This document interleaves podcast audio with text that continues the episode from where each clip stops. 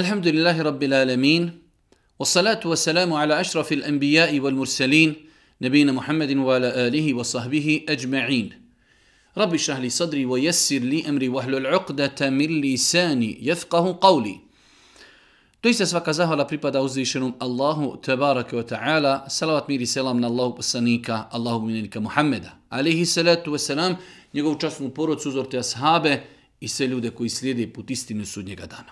uvažni braću i poštovani sestre, uvažni gledatelji, evo nas u još jednoj novoj emisiji u kojoj se družimo sa vašim pitanjima, vašim dilemama i vašim eh, e-mailovima koje šaljete na našu adresu.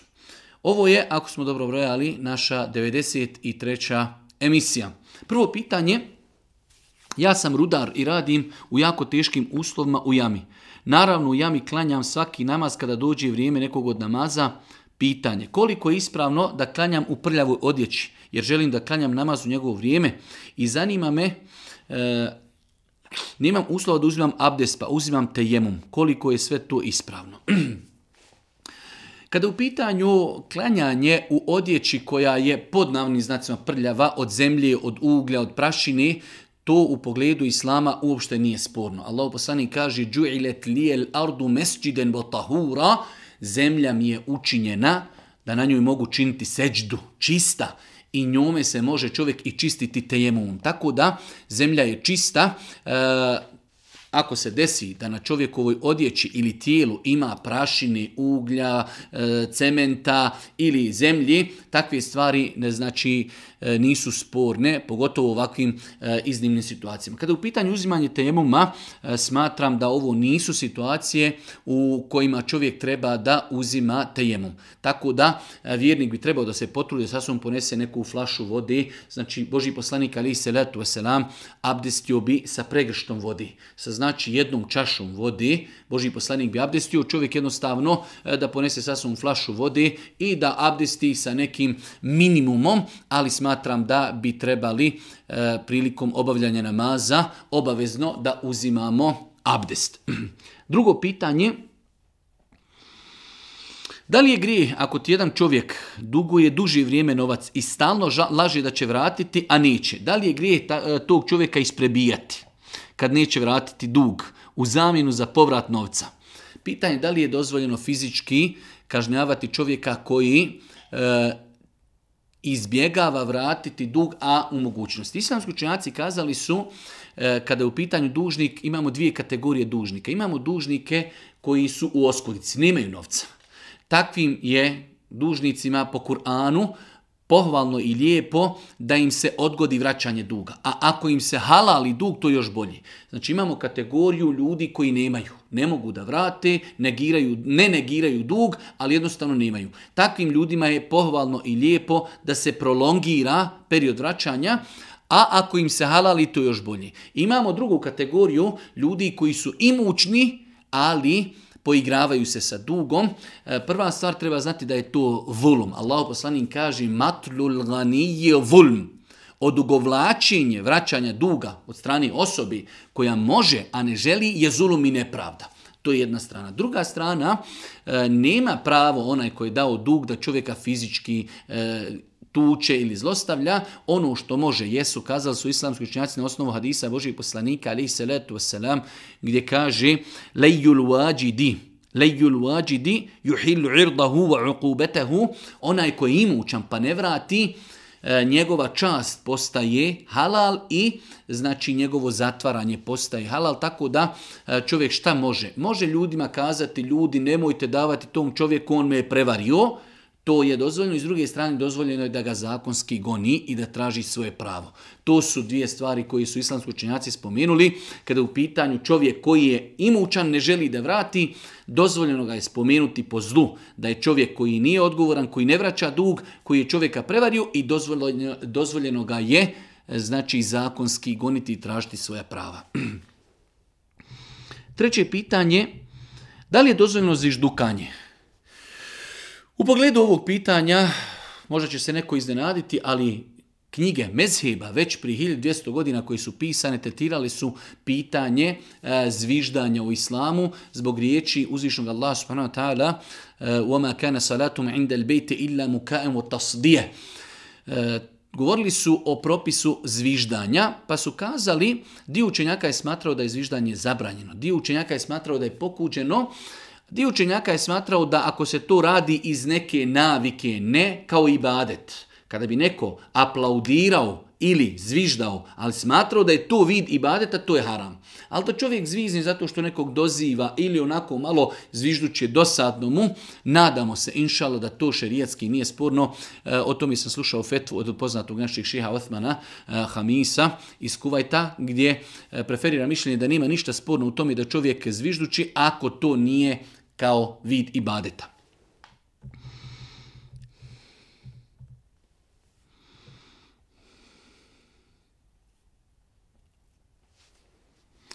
Malo duže pitanje, ali znači čovjek govori o tome kako mu je preselio njegov otac i tako dolje. Na kraju kaže, e, vidio sam vašu jednu objavu kod koje sam se malo zaustavio i razmišljao o njoj, radi se o četiresnici. Vidim da ste rekli da je to novotarija. Da li možete nešto više reći o tome?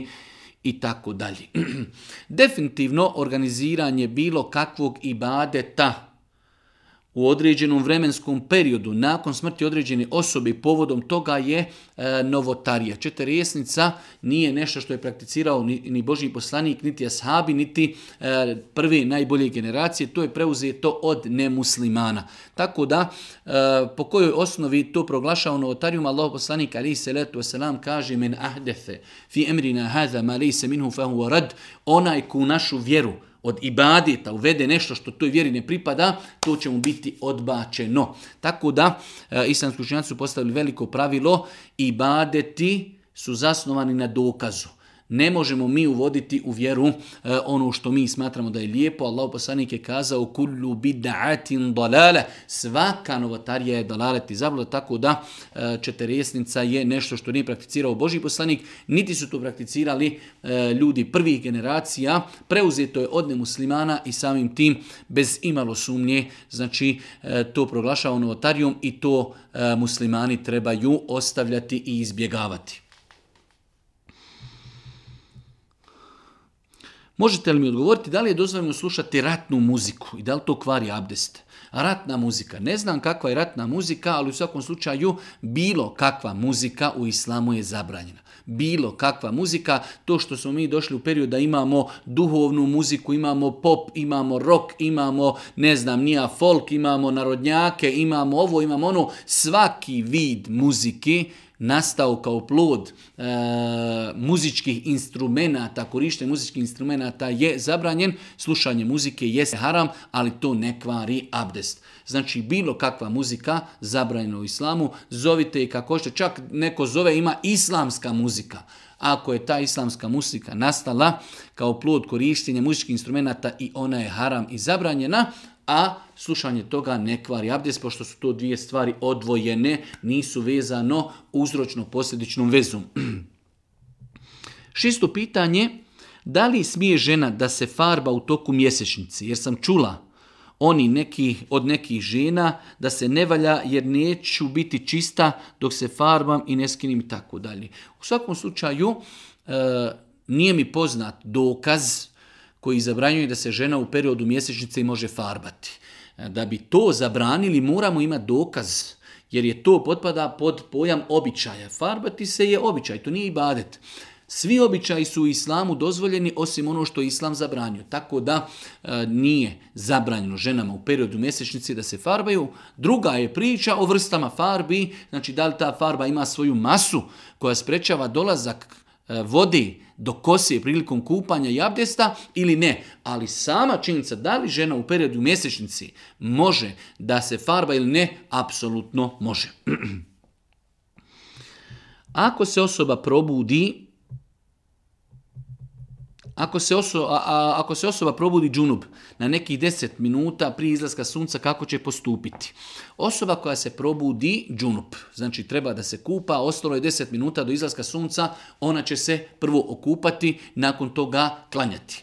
E, svakako vjernik, kada kreni spavati, ako pogotovo zna da je džunup, e, znači treba na vrijeme da navije sebi sahat, ako sunce izlazi u 7, onda će ustati u 6.20, 10 minuta ili 15 dok se okupa i da ima 20 ili 25 minuta vremena da klanja sabah. Ali ako se doista desi da je čovjek i prespavao, a isto tako da je jednostavno imao poluciju u snu, e, i ako se desi da je 10-15 minuta prije izlaska sunca e, se probudio, njegovo namasko vrijeme nastupano u momenta kada se probudio. Tako da čovjek će otići prvo kupaće se, makar sunce svakako treba da požuri, ali ako bi sunce izašlo, on će se prvo kupati, nakon toga će klanjati saba. To je bio stav džumhura islamskih učenjaka.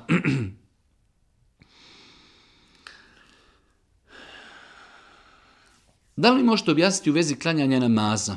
to da su farzi obavezni, a sunneti ne. Znači namaz je ispravan ako se samo farzi klanjaju. To je naš problem što mi jednostavno vjeru učimo i ne razumijemo kada kažemo riječ na fila, to znači dobrovoljni namaz. Kada kažemo farz, tu arapsku mjesku znači nešto što je strogo naređeno. Tako da u namazu, evo uzet ćemo podni, imamo četiri rekiata poslije zana na file. Dobrovoljni namaz. Nakon toga dolazi farz, nešto što je strogo naređeno, nakon toga dva ili četiri rekiata opet na fili. Tako da čovjek, vjernik, njemu je naređeno, mora klanjati četiri rekiata podnije.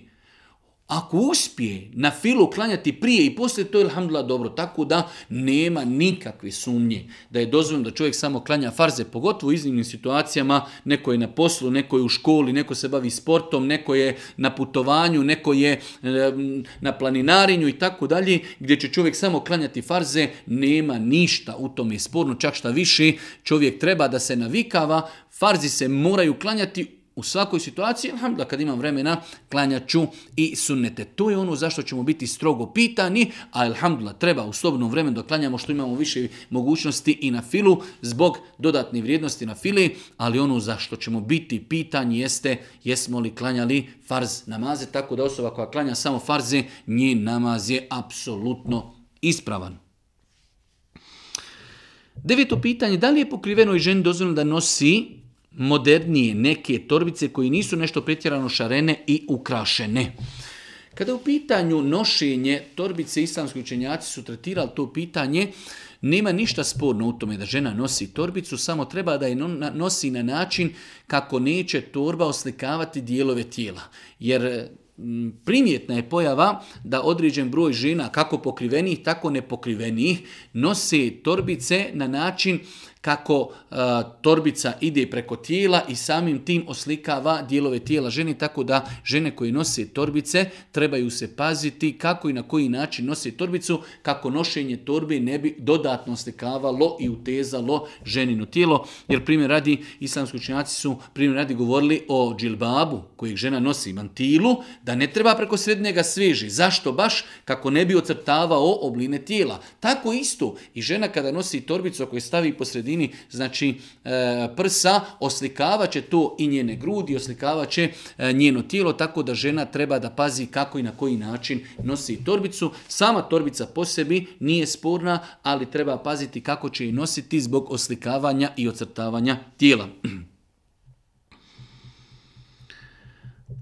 Pa ako je već tehvid novotarija, možda jest, ali na tom događaju se ljudi okupe i mole Allah da se smiluje umrlom i nama živima i našoj djeci. Uglavnom moli se i zahvaljujemo se. Zašto je onda to neispravno? Zašto kažete da je to novotarija? Drugo pitanje, znači zašto je tehvid novotarija? Tehvid je novotarija zato što to nije radio Boži poslanik alihi salatu wasalam, a potpada pod kategoriju ibadita. Jedne prilike, Sa'id ibn Musejjeb, poznati tabi'in, jedan od da kažemo, najugledniji ljudi iz generacije tabiina, vidio je čovjeka koji klanja nakonik Indije. Pa mu je negirao, rekao, zabravljeno je klanjati nakonik Indije dok sunce zađe, pa mu je čovjek rekao, a zar će me Allah kazniti zbog namaza?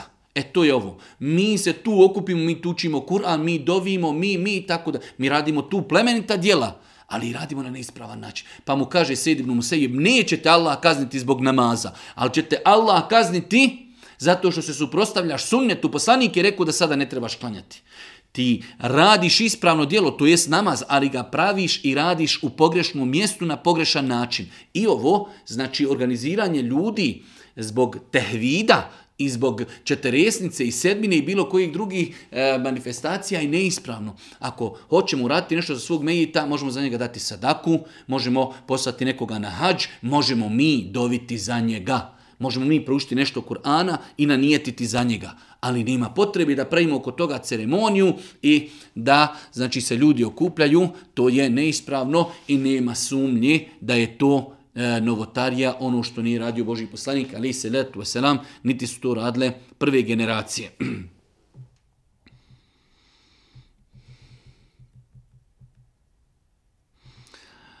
Opet jedno malo duže pitanje u kojem čovjek postavlja pitanje kao mi smo muslimani, vjernici, s druge strane imamo nevjernike koji čini najveći grih, a širk, I onda kako to da su nemuslimani e, znači superiorniji i napredniji i jači od muslimana? Pa evo na kraju kaže, ne vidim logiku tu nevjernicima e, sa takvim lakoćom ide da uništavaju muslimanske zemlje iako širk Allahu čini, a nama ne polazi ništa za rukom ni da našu zemlju očuvamo e, iako se čuvamo ne činimo Allahu širk. E, ovaj brat je, ajde da kažemo, mm, polupolončiće, zamijenjuje određene teze. Uzvišnji Allah subhanahu wa ta'ala dao je e, pravila na osnovu kojih ljudi e, dunjalučki uspijevaju ili ne, dunjalučki. Pa onaj ko bude učio, istraživao, ulagao u to, on će biti nadmoćan on će u pogledu dunjalučkom, kao što je to danas slučaj sa muslimanskim državama, gdje oni ulažu mnogo u e, nauku, u izučavanje, u istraživanje, u analize i mnoge toge, znači univerziteti, fakulteti, naobrazba, e, budžeti, e, ulažu mnogo toga i zato su napredovali, imaju laptope, imaju kompjutere, imaju rakete, imaju avione, imaju razarače, zašto? To je plod samo rada. Muslimani, nažalost, zapostavili su vjeru. Prvo su zapostavili vjeru, a nakon toga zapostavili su i pravila koja ih vode da postanu e, faktori na svjetskoj sceni. Muslimani, prvi generacija, držali su se vjeri, ali u isto vrijeme bili su vodilja čovječanstvu u svjetovnim naukama. Ono momenta kada su ostavili vjeru, muslimani isto tako ostavili su e, i izučavanje svjetovnih nauka, tako da je to jedno s drugim povezano. Muslima, nemuslimani su uspjeli zato što su uzeli ona pravila po kojima bi trebali da radi muslimani.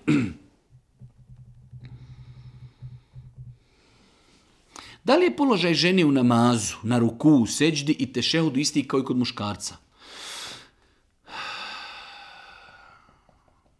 Ja e, u hanefijskom mesebu žena stoji e, skupljeni nogu uspušta laktovi, nek pregiba se tako. Ja se ne slažem s time da li je moj namaz ispravan. Apsolutno da.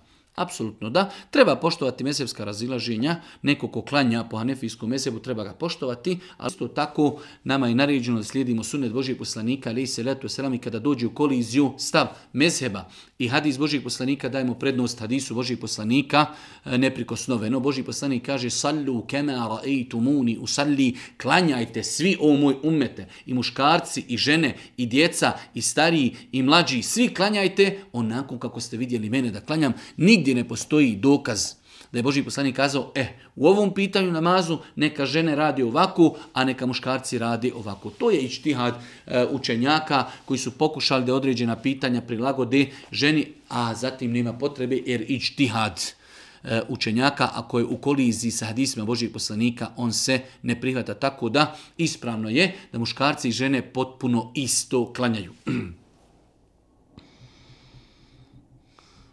pitanje, znam da je ženi bolje klanjati kući nego u džami, pa me zanima je li to isto važi i za noćni namaz koji se klanja u džamima za vrijeme Ramazana. Apsolutno da. Apsolutno da. Znači, namaz ženi generalno, to zapamtimo veliko pravilo, kao što je došlo u vjerodostom hadisu, e, da je Allah poslanik Ali se letu selam kazao jednoj ženi koja je došla i kaže Boži poslanče, volim da klanjam namaz sa tobom, ali Boži poslanik Ali se kaže namaz u tvojoj kući, bolji je od namaza sa mnom u mome mesčidu. A mi znamo da je e, nagrada za obavljen namaz u džami Božji poslanika, ali se letu selam hiljedu namaza. Božji poslanik njoj kaže, bolje ti da klanjaš u svojoj kući nego da klanjaš u mojoj džamiji. Tako da, e, ovo je općen hadis. E sada, nije zabranjeno ženama da odu u džamiju. Mi govorimo samo šta je bolje. Hadis koji bilježi imam i Buharija i muslim da Allah poslani kazao nemojte ženama zabranjivati da idu u džamiju. Znači, ako žena se lijepo, ispravno i ponaša i oblači i nosi i ide u džamiju, u tome nema ništa sporno. Pogotovo u slučaju materavih namaza, noći namaza, kada možda žena ako kod kuće bude klanjala, neće dugo klanjati, ne zna mnogo Kur'ana na pamet, ništa sporno nema u tome da žena ide u džamiju. Ali govorimo šta je bolje, bolje je da žena klanja kod kući. Bolje je da žena klanja kod kući i shodno vjerodostojnim hadisima da Allah poslanik ne samo da je kazao ženin namaz u kući je bolji nego namaz u džamiji, ne, namaz ženin u kući je bolji nego namaz u džamiji Božih poslanika, alihi salatu wasalam. Svakako, e, znači rekli smo, to ne isključuje da je žen dozvoljno da ide u džamiju, kao što je došlo u vjerodostojnom hadisu, nemojte zabranjivati ženama da idu u džamiju, ali u svemu tome žena prilikom odlaska u džamiju ne treba da se šminka, ne treba da se miriše i treba da e, se ispravno šerijetski obuće.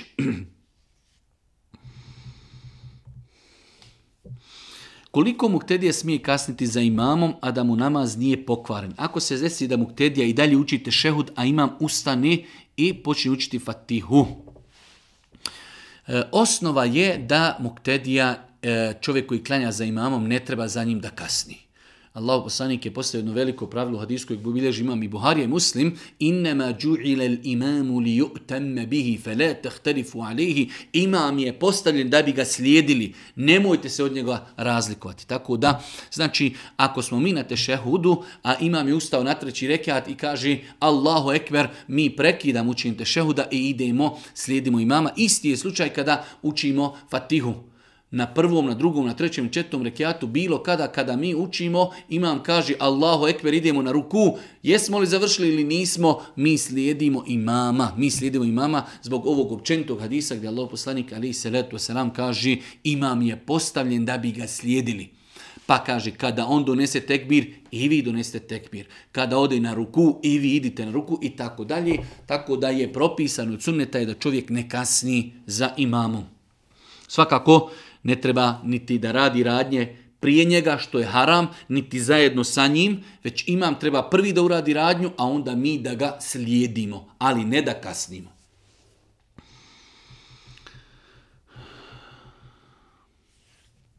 Jedno malo duže pitanje jedni naše sestri da je Allah sve više nagradi, kaže razvodim se, imam dvoje maloljetne djece, živim u inostranstvu, razvodim se zbog greške svoga muža, imamo i mominu, meni pripada po ovom zakonu polovina. On je prije mene otišao na 20 godina i mučno je radio sve dok je to zaradio. Mene zanima da li je to meni dozvano da uzmem pola njegove imovine. Iako ona na kraju kaže ja planiram da odustanem od toga, e, bitno je kao da on samo plaća uredno alimentaciju i tako dalje. U svakom slučaju, ova naša sestra da je uzvišena Allah Tvarkvetala nagradi e, je ispravno postupila e, to što u određenim zemljama nakon razvoda E, ženi se dodjeljuje pola imetka je u koliziji suprotnosti sa šerijatom, sa islamom i njegovim principima savršenim koji odgovaraju za svako podnevlje, za svako vrijeme. Znači žena nema pravo da uzme imetak koji joj dodijeli sud, a to je u većini slučajeva polovina imetka. Žena nakon razvoda ima pravo da dobije i traži od svog muža mehar, ako je nije isplatio, ima pravo e, da traži od svoga muža da je izdržaje dok je u periodu, dok je u periodu pričeka. To je ono što žena ima pravo, a znači uzimati polovinu, polovinu i metka u islamu je strogo zabranjeno, veliki zulum i nepravda. Tako da, Allah Žešanu, molimo da ovu našu sestru nagradi zbog e, njene bogobojaznosti i želje da znači prihvati e, propis onako kako jeste. 16. pitanje. U 91. emisiji pitanje odgovora davali ste odgovor na pitanje slavljenje nove godine i rekli ste da je to kršćanski praznik. Međutim, nova godina nema nikakve veze sa kršćanstvom ili se može reći da je to novotarija u njihovoj vjeri. Kao i Božić, jer ne postoji nijedan dokaz u Bibliji za obilježavanje takvih praznika, niti je to i kod poslanika u Bibliji e, poznavao i tako dalje. E, pitanje, znači nama je sugestija da smo neispravan odgovor dali, a mi i dalje ostajemo pri svome, da znači ovdje e, osoba koja postavlja pitanje kaže ili se može reći da je to novotarija u njihovoj vjeri bez obzira je li to novotarija ili nije novotarija, ali je to u njihovoj vjeri, pripisuje se njihovoj vjeri. Iako ja u 91. emisiji kada sam odgovarao o propisu učestvovanja muslimana u obježavanju nove godine, kazao sam na novu godinu možemo gledati kroz dva aspekta. Prvo je da kažemo da je nova godina e, vjerski praznik što je zabranjeno e, znači obilježavati s aspekta vjerskog. S druge strane smo rekli u redu kad bi prihvatili činjenicu, a ne treba je prihvatiti jer nije tačna, znači nova godina je praznik koji se vezuje za kršćanstvo apsolutno. E, s druge strane, ako bi rekli da se ne vezuje e, za novu godinu, nova godina, da se ne vezuje za kršćanstvo, mi muslimani imamo dva godišnja praznika, tako je jasno poslanik rekao, alihi se letu eselam, vi imate dva godišnja praznika, dva bajrama. E, uzmimo u obzir kako i na koji način čovječanstvo i planeta obilježava obilježava novu godinu alkoholom, drogiranjem, e, muzikom, e, bludom, nemoralom i mnogim drugim stvarima. Stoga muslima ne treba da se poistovjećuje sa takvim ljudima, bez obzira da li to bilo vjersko ili ne. Mi imamo dva praznika, dva godišnja praznika, Ramazanski i Hadžijski Bajram. Mimo toga muslimani nemaju praznika, pogotovo ako je jaka praznika činjenica da je proslavljanje, obilježavanje nove godine kršćanski praznik, s druge strane i da nije, to je opet to ponašanje nemoralnih i znači griješnih ljudi koji obilježavaju novu godinu onako kako obilježavaju, tako da musliman tu noć treba da provede kao bilo koju drugu noć bez bilo kakvih posebnih ceremonija i obilježavanja. Hoću da pitam za dizanje ruku u namazu četiri puta. Hoću da znam je li to sunnet ili je novotarija. Ako je sunnet, to prakticirano. Apsolutno, to je sunnet. Dizanje ruku četiri puta na jednom rekiatu namazu je sunnet. Hadis o tome bilježi imam i Buharija i Muslim od Abdullah ibn Omera i mnogi drugi ashabi. Prenosi hadise Božih poslanika da je Božih poslanik u toku namaza dizao ruke četiri puta prilikom početnog tekbira. Allahu ekber. Kad završi čovjek učenje fatihe, učenje sure, e, opet kaže Allahu ekber, odlazak na ruku, povratak sa ruku, a semi Allahu limen hamide, opet podiže ruk, ruke i prilikom ustajanja sa trećeg, znači e, sa sjedenja, sjeli smo na etahijat, ustajemo na treći rekat, Allahu ekber i opet e, podižemo ruke. To je e, apsolutno većinski dio islamskih učenjaka smatruje da je dizanje ruku u namazu sunnet. Imam Buharija kao emirul mu'minin, mm kao najveći poznavaoc hadijske nauke u islamu, napisao je zasebno dijelo u kojem je tretirao pitanje e, argumentima da nikada nije zabilježeno da je neko da sahaba, znači nije dizao ruke u namazu, tako da, znači Boži poslanik dizao ruke, Boži poslanik, e, kako se zove, e, preporučio, prakticirao, s druge strane, ashabi su to vidjeli od njega i tako živjeli, tako prakticirali. Svakako, s jedne strane to je sunet apsolutno,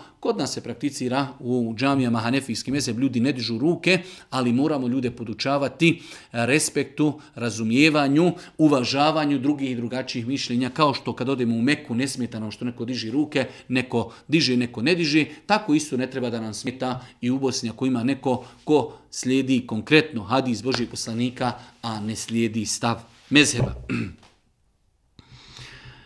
Osamnaesto pitanje, dobili smo za novu godinu po stotinu eura od firme. Da li mi je dozvoljeno da koristim taj novac? Apsolutno da.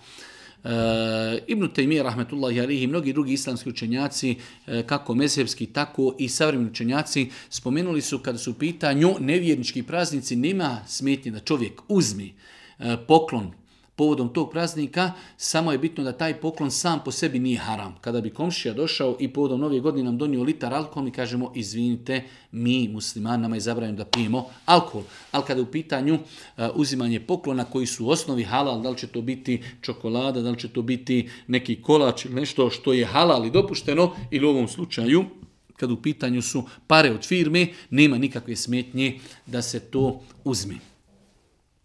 19. pitanje Teo sam da vas pitam koja je islamska boja. Neko kaže bijela, neko zelena, pa eto ako vam nije problem da mi odgovorite. Ne postoji boja koja se zove islamska boja ili boja islama. Imaju određene boje koje su u datom momentu preporučene e, kada je u pitanju odjeća. Boži poslanik Ali se ratu sram preporučuje da se nosi bijela odjeća. Ali to nigdje ne znači ako je preporučeno da nosimo bijelu odjeću da je to boja islama. Eh, i tako dalje. Tako da ne postoji nešto što se zove boja islama. Ne postoji nešto što se zove boja islama, niti bijela, niti zelena, niti bilo koja druga. Kao što su ljudi izmislili boje, tako su izmislili i simbole i mnoge druge stvari. Ništa to nema veze sa islamom.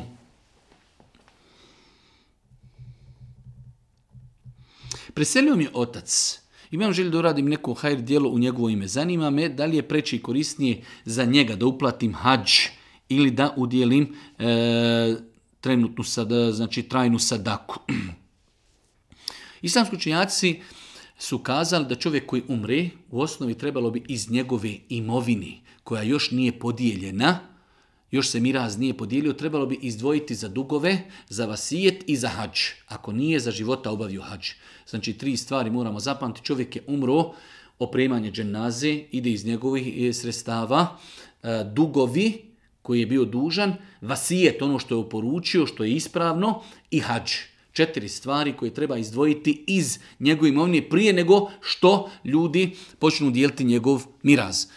Pa u osnovi, znači čovjek dok umri, trebalo je iz njegovog novca. Ako to već nije urađeno, onda djeca želi da uradi nešto za svoga oca, najprioritetnije da počnu od hađa. Ako za svoga života otac nije obavio hađ, a bio je musliman, deklaracio se kao musliman, najbolje se za njega kao prvo dobro djelo obavi hađ, s aspekta da je to jedan od temelja islama, a nakon toga, ako budu željeli da uradi još nešto, dobro i jest, ali bi svakako trebalo prioritetnije da se da e, znači, prednost obavljanju hađa, tako su spomenuli islamski učenjaci u svojim fetvama. Da li se može udjeliti sadaka rođenom bratu ili sestri? Apsolutno da.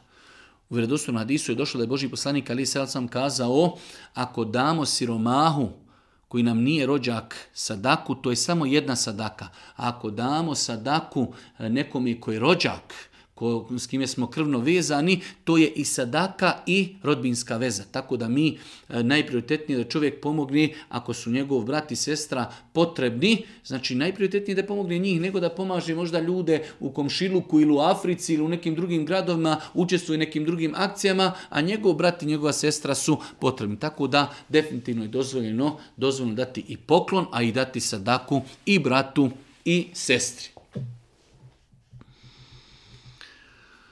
Da li mi je dozvoljeno konzumirati meso od kurbana koje dobijem za kurban Bajram jer ne znam da li su neki zaklani u Allahu ime ili ne? Pitanje broj 22. Da li je čovjeku dozvoljeno da konzumira meso kurbansko jer ne zna da li je neko tamo rekao bismillah i u ime Allah zaklao ili ne? E, dozvoljeno je, apsolutno dozvoljeno.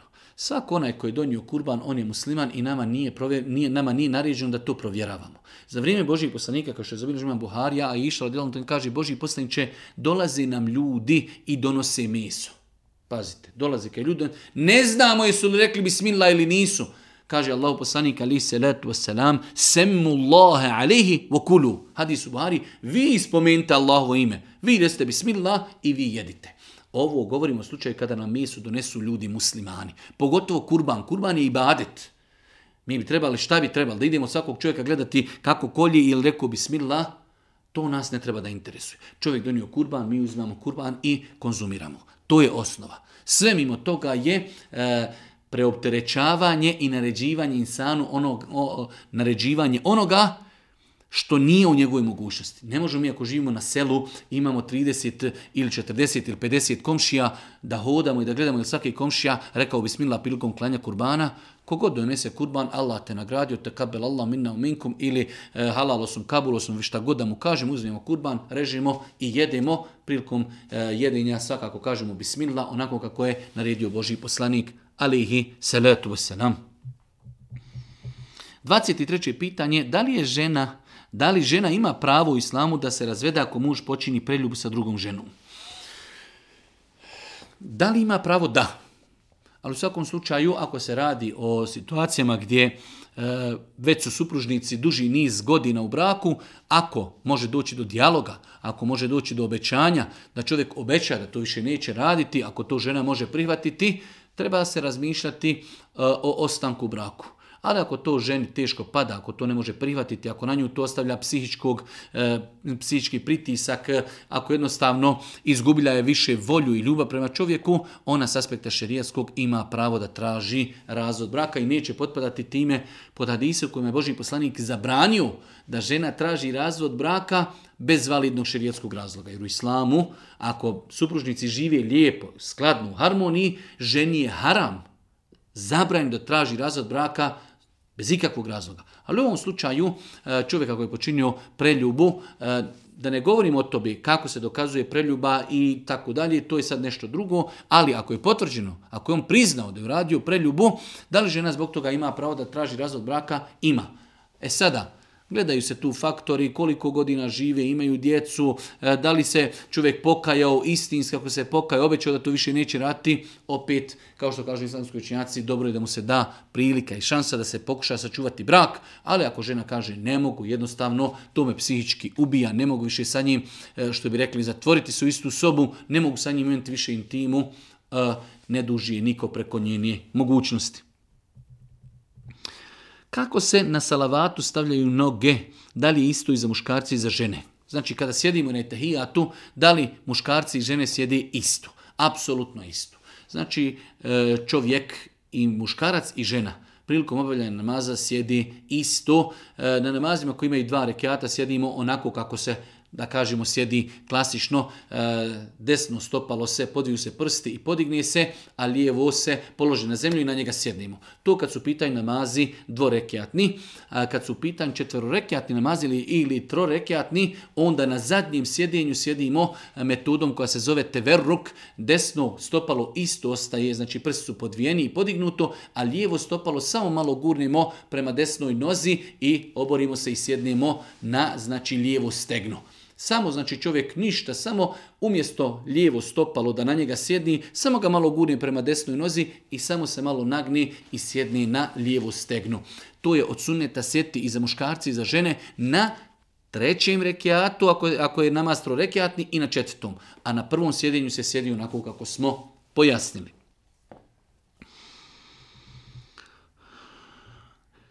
Kako postupati kada imamo ženu sa nikabom u vezi granic, graničnih prilaza, aerodroma, vožnje auta, kada policija zausti ženu i tako dalje? E, kako će postupiti žena koja nosi nikab, a došla je na pasošku kontrolu, do, zaustavila je policija e, i tako dalje? E, ako ima mogućnost da identifikaciju izvrši žena svakako je dobro i treba tražiti. Ako ne može, žena će otkriti lice onoliko koliko je potrebno i to se smatra nuždom i to se smatra darura, ad darurat tubihul mahzurat, vandredni i e, da kažemo neočekivane okolnosti u ovom kontekstu e, određene stvari znači spuštaju na dozvolu tako da islamski učenjaci u knjigama fika spomenuli su E, primjer radi prilikom svjedočenja, trgovini, liječenja, suđenja, da žena ima pravo da otkri lice kad je da vidi je li to ta žena koju se sudi ili e, prilikom trgovini. Čak su islamski učenjaci spomenuli da čovjek ako kupuje nešto od ženi, ima pravo da vidi njeno lice sutra ako treba ni da reklamira robu kako će naći tu ženu i tako dalje. Tako da, e, znači, e, otkrivanje lica ako zatim postoji validan razlog, potreba, nužda, kao što je aerodromske ili bilo druge koje, znači pasoške kontrole ili policija je zaustavila osobu, jednostavno e, imaju potrebu e, da, da vidi da li je to osoba koja je dala dokumente i u sličnim situacijama, inšalabizna, ako se može e, tražiti, da to uradi žena, svakako da je bolje, ako ne može, žena će nakratko otkriti lice samo da se identifikuje i nakon toga opet pokriti svoje lice, iako Bog da, nadamo se, jer je to uradila pod namim znacima iz potrebi, pod prisilom, da nije griješna što je to uradila. Da li je to za, zavratiti pantole ili se moraju skratiti iznad članaka? Allah poslanik ali se netu sramo više vjerodostojnih hadisa zabranio je muškarcima da nose odjeću ispod članaka. Od iskoj bilježi imam i Buharija, e, imam Buharija stoji ma esfele min el ka'beini min el izari finnar. Ono što bude od odjeće koja se nosi na donjem dijelu tijela ispod članaka, sve će to biti u vatri. Tako da vjernik musliman treba da pazi na svoju odjeću i treba da mu odjeća bude iznad članaka. E sada, kako će to organizirati? E, najljepše je da to čovjek osjeće i da lijepo podvrati, da to bude uredno i lijepo ali ako ne postoji druga opcija osim da zavrni hlače, Bože moj, bolje da ih zavrni pa da ne bude u haramu, nego da ih pusti pa da bude u onome što je zabrajeno šerijetom, tako da e, svakako da je bolje skratiti lijepo hlače, odnijeti šnajderici ili takve kupiti ili tako i već sašiti, ili ako su kupljene duže hlače, odnijeti znači, kod šnajdera, kod nekoga krojača, da nam to lijepo do članaka skrati, ali ako bi čovjek kupio, nema vremena to uradi, hoće li nositi e, spuštene nogavice ili će ih zavrati, apsolutno će ih zavratiti. Pošto smo rekli, vjerodostojni hadis potvrđuju da je zabranjeno nositi muškarcima odjeću ispod članaka. Moji roditelji mi dozvoljavaju nošenje himara, pa sam primjeran da nosim drugu odjeću koja je manje propisana, ali opet i dalje spada pod propisnu odjeću. I tako dalje, da li sam obvezan da poslušam roditelja? Apsolutno da. Sve dok roditelji od djeteta svoga traže nešto što je u granicama islama, djete treba da se pokori djec, e, svojim roditeljima. Znači imamo situaciju da djevojka bi volila da nosi himar. A himari su, to su, e, ne znam kako da opišem, ali eto, e, način odjevanja naših sestara koje ne nose mahrame, već nose takozvane himare.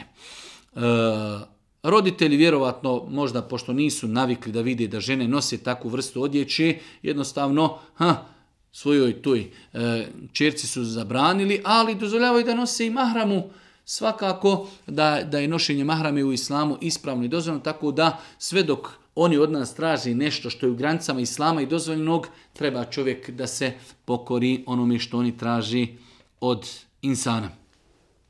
28. pitanje, duže pitanje, ali rezime pitanja je e, čovjek želi da se ženi, E, želi da ima vjeritbu, čovjek je praktikuje vjeru, ne rukuje se sa ženama, ni njegova supruga se ne rukuje sa muškarcima, ali u pogledu e, vjeritbe kaže Zanima me, smijem li ja kada budemo se vjerili davali jedno drugom prsten, smijem li zagledati svoju ženu prilikom davanja prstena? Apsolutno ne. Apsolutno ne. Sve dok se čovjek ne vjenča sa svojom suprugom, oni su jedno drugom stranci, tako da znači i, i ta sama vjeritba, hajde da kažemo, treba da se uokviri u okvire šerijata i islama, gdje nema dodira, gdje nema poljubca, gdje nema znači osamljivanja i tako dalje. E, sve dok se mladenci ne vjenčaju, nemaju pravo ni da se osamljuju, da se ljube, da se vode za ruke, da se dodiruju, a da ne govorimo o intimnom kontaktu ili o grljenju i tako dalje. Tako da... E, ako se već pravi ceremonija vjeritbe, onda to treba biti bez dodirivanja, znači čovjeka i ženi. 29. pitanje kaže naša jedna sestra da nije postila osam Ramazana. U četiri Ramazana je imala trudnoća, u četiri je imala dojenje. Pa je pitanje da li to može sada napostiti?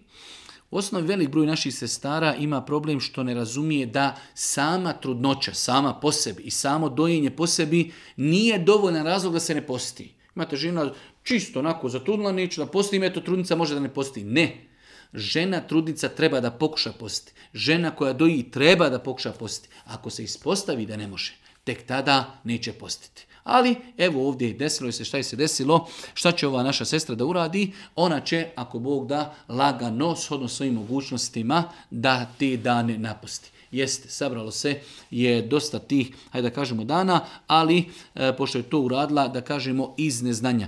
Dio učenjaka je smatrao ako žena odgodi napaštanje do Ramazana, pa još nije sve napostila, na, na sljedeći godin kad tu bude napaštala, za svaki dan će napostiti i izdvojiti kefarat. Ali u ovom slučaju Allah najbolje zna, ne mislim da je to obaveza, žena će samo napustiti dane. Ako bi za svaki dan izdvojila 750 grama e, prehrambeni artikala i podijelila to bijedi, inšala bi zna da bi to bilo dobro. Ali ono što je minimum obaveze jeste da se dani, ako Bog da tokom godine, pogotovo u zimskom periodu, znači da se naposti. Nadam se da je ovo posljednje e, pitanje u večerašnjoj emisiji, a to je pitanje tumačenje ajeta iz sure Alu Imran, sedmi ajet gdje Allah Đeršanu kaže Huwa alledhi enzela alike il kitab, minhu ajatu muhkemat, hunne umul kitab, wa uharu mutešabihat. Pitanje je znači, šta to znači da imamo, uh, prijevod ajeta bi bio, on tebi objavljuje knjigu, Allah Đeršanu, u njoj su ajeti jasni, i oni su glavnina knjige, a drugi su manje jasni. Oni čija su srca pokvarena, željni smutnji i svog tumačenja, slijedi oni ajete što su manje jasni. A tumačenje njihovo zna samo Allah i tako dalje do kraja ajeta. Pa je pitanje kako to da mogu biti određeni ajeti manje jasni, a neki jasni. Tako je Allah Žešanu uh, e, opisuje. E, normalno je da sve ajete, da svi ajeti ne mogu biti na istom e, stepenu na istom stepenu razumijevanja.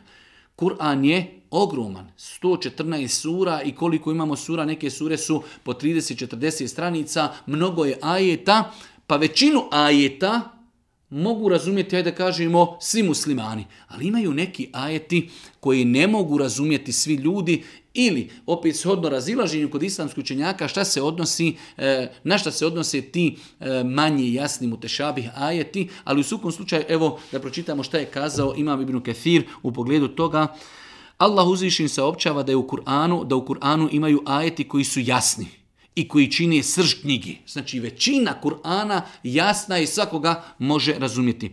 To jest, koji su sasvim jasni u kojima ni za koga, ne, e, ni za koga nema e, dvosmislenosti.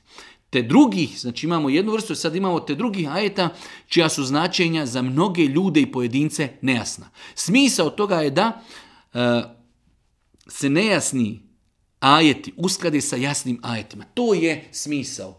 Ako imamo neki ajet koji nismo sigurni da li ga dobro razumijemo, onda ćemo mi njega vratiti na velike temelje i na velike osnove ajeta koji su nam jasni. I to je znači završetak priče. Imamo većinu kuranskih ajeta, ajeti su jasni, ima i neki ajeti, e, e opet kažem u pogledu e, toga poslije razilaženja, koji su to ajeti, koji razumije, znači samo e, manja skupina ljudi, ali... E, Takvi ajete, da bi ih razumjeli, trebamo ih vraćati na temeljno, temeljna značenja onih jasnih, onih jasnih ajeta. Allah subhanahu wa ta'ala, molimo da nas učestnije putu istine, da nam podari korisno znanje i na kraju subhaneke, Allahumma da bihamdike, ešhedu in la ila in stakfiruke, wa etubu ilik. Oh, oh, oh.